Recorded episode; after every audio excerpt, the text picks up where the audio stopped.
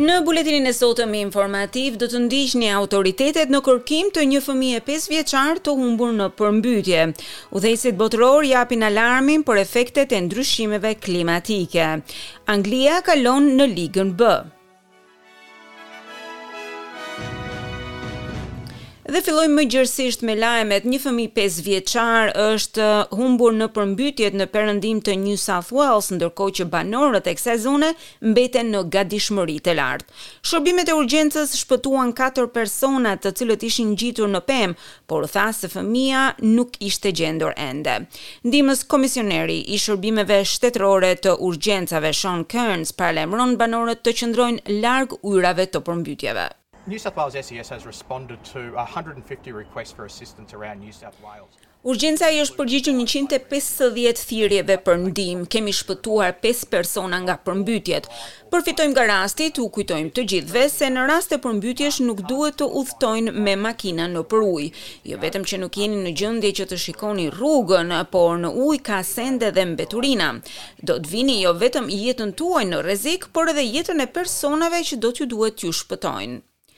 Udhëheqësit botërorë në fjalimet e tyre në podiumin e Asamblesë së Përgjithshme të OKB-së dhanë alarmin mbi ndryshimin e klimës dhe ndikimin e vazhdueshëm në vendet anembanë globit. Disa argumentuan se vendet më përgjegjëse për emetimin e karbonit duhet të paguajnë dëmshpërblime në lidhje me ndryshimet e klimës për ato zona të cilat janë përballur me efektet më të rënda të krizës. Ja se si u shpreh kryeministri holandez Mark Rutte.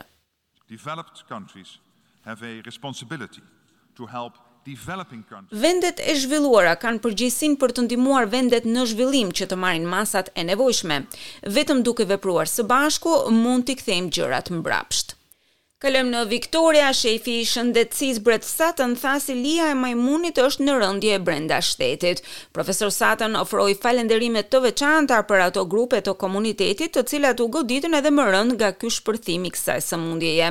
Ata që kualifikohen për vaksina janë inkurajuar të vendosin menjëherë emrin në listë për ta marrë atë sa më shpejt që të jetë e mundur. Ndërkohë grupi i parë i nëndetëseve me energji bërthamore për Australinë do të arrijë më herët nga sa pritej nëpërmjet Shteteve të Bashkuara, pasi Anthony Albanese ka rikonfirmuar angazhimin e vendit ndaj Traktatit AUKUS.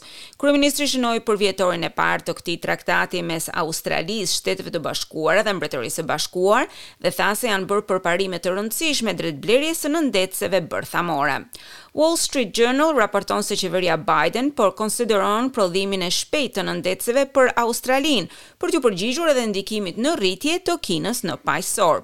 Flota e parë pritet që të arrijë në Australi në mesin e viteve dy mijë e tridhjetë.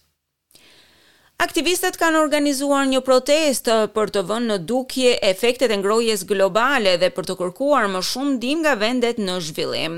Më shumë se një mijë protestues, shumë prej të cilëve ishin studentë, marshuan nëpër rrugët e Nju Jorkut në atë që ata e quajtën grevë globale klimatike, për të shprehur zhgënjimin e tyre me mungesën e veprimit nga ana e qeverive. Protestat pasojnë paralajmërimet nga shkencëtarët se të gjitha vendet nuk po bëjnë atë që duhet për të përmbushur objektivin kryesor të Marrëveshjes së Klimës së Parisit të vitit dy mijë e pesëmbëdhjetë për kufizimin e ngrohjes globale në një pikë pesë gradë Celsius. Kelsey Cavalli, një banore në Queens, thotë se ndryshimet klimatike po prekin Amerikën.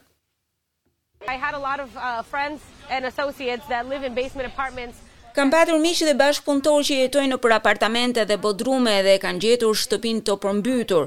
Jo vetëm dëmtime të sendeve personale, kam patur një mik të familjes që në fakt vdiq sepse ishte në gjumë kur u përmbyt, Ndryshimet klimatike janë reale, po ndodhin dhe lufta ime në këtë është pasioni dhe zemërimi im ndaj asaj që po ndodh me fqinjët e mi, me njerëzit që njoh, me të ardhmen e fëmijëve të mi, tha ajo.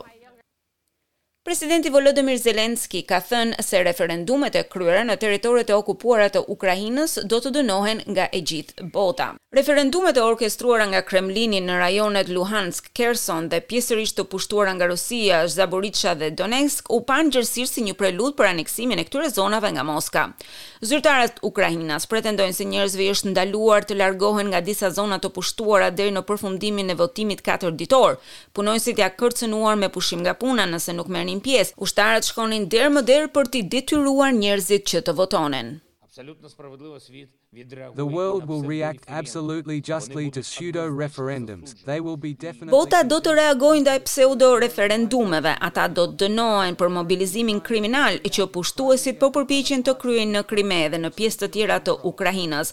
Këto nuk janë krime të drejta kundër ligjeve ndërkombëtare dhe ligjeve të Ukrainës, janë krime kundër njerëzve të caktuar e kundër vetë popullit, tha ai.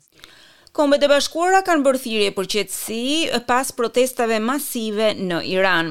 Irani ka patur një javë protesta antiqeveritare dhe trazira rreth vdekjes së Masa Aminit, një gruaje të re e cila u arrestua nga policia e moralit në Teheran javën e kaluar pasi dyshohej se mbante shaminë e saj islame në mënyrë shumë të lirshme. Policia tha se ajo vdiq nga një atak në zemër dhe nuk ishte keqtrajtuar, por familja e saj ka hedhur dyshime në lidhje me këtë justifikim.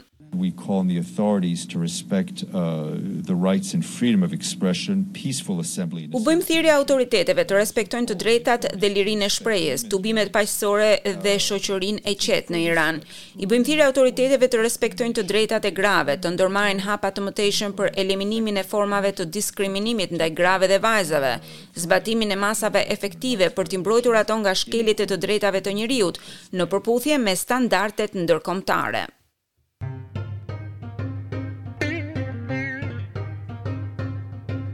Kalojmë tani në kursin e këmbimit të valutës australiane. Një dollar australian sot këmbehet me 79 lekë shqiptare, 0.67 euro, 0.65 dollar amerikan dhe 42 denar maqedonas.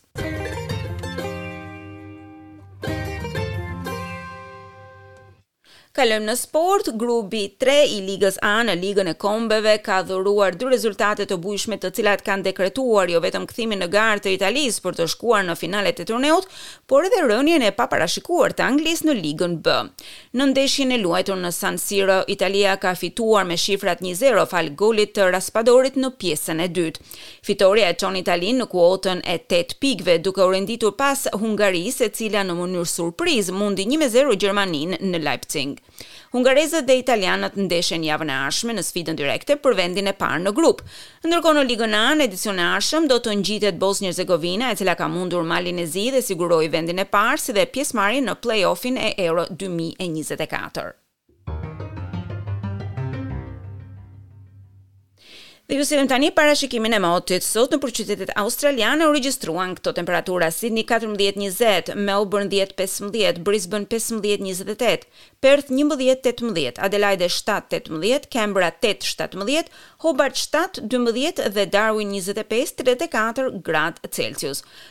Për nesër byroja e parashikimit të motit sjell këto temperatura, Sidni dymbëdhjetë njëzet e një, Melburn katër nëntëmbëdhjetë, Brisbën pesëmbëdhjetë njëzet e gjashtë, Perth gjashtë nëntëmbëdhjetë, Adelaide njëmbëdhjetë njëzet e një, Canberra katër tetëmbëdhjetë, Hobart pesë shtatëmbëdhjetë dhe Darwin njëzet e pesë tridhjetë e katër gradë Celsius. Ndoqët edicionin informativ.